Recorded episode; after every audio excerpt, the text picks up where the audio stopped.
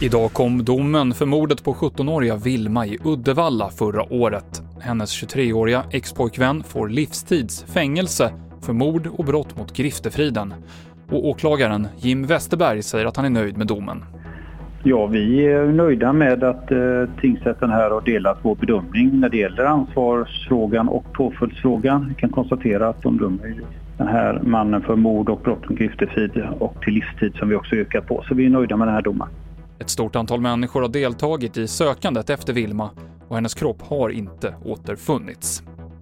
Två unga män har blivit häktade för att de hjälpt till att frita en morddömd 18-åring under en permission i Kungsbacka förra veckan.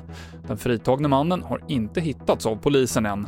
Han är dömd för ett uppmärksammat mord på en pizzeria i Rinkeby i Stockholm 2018.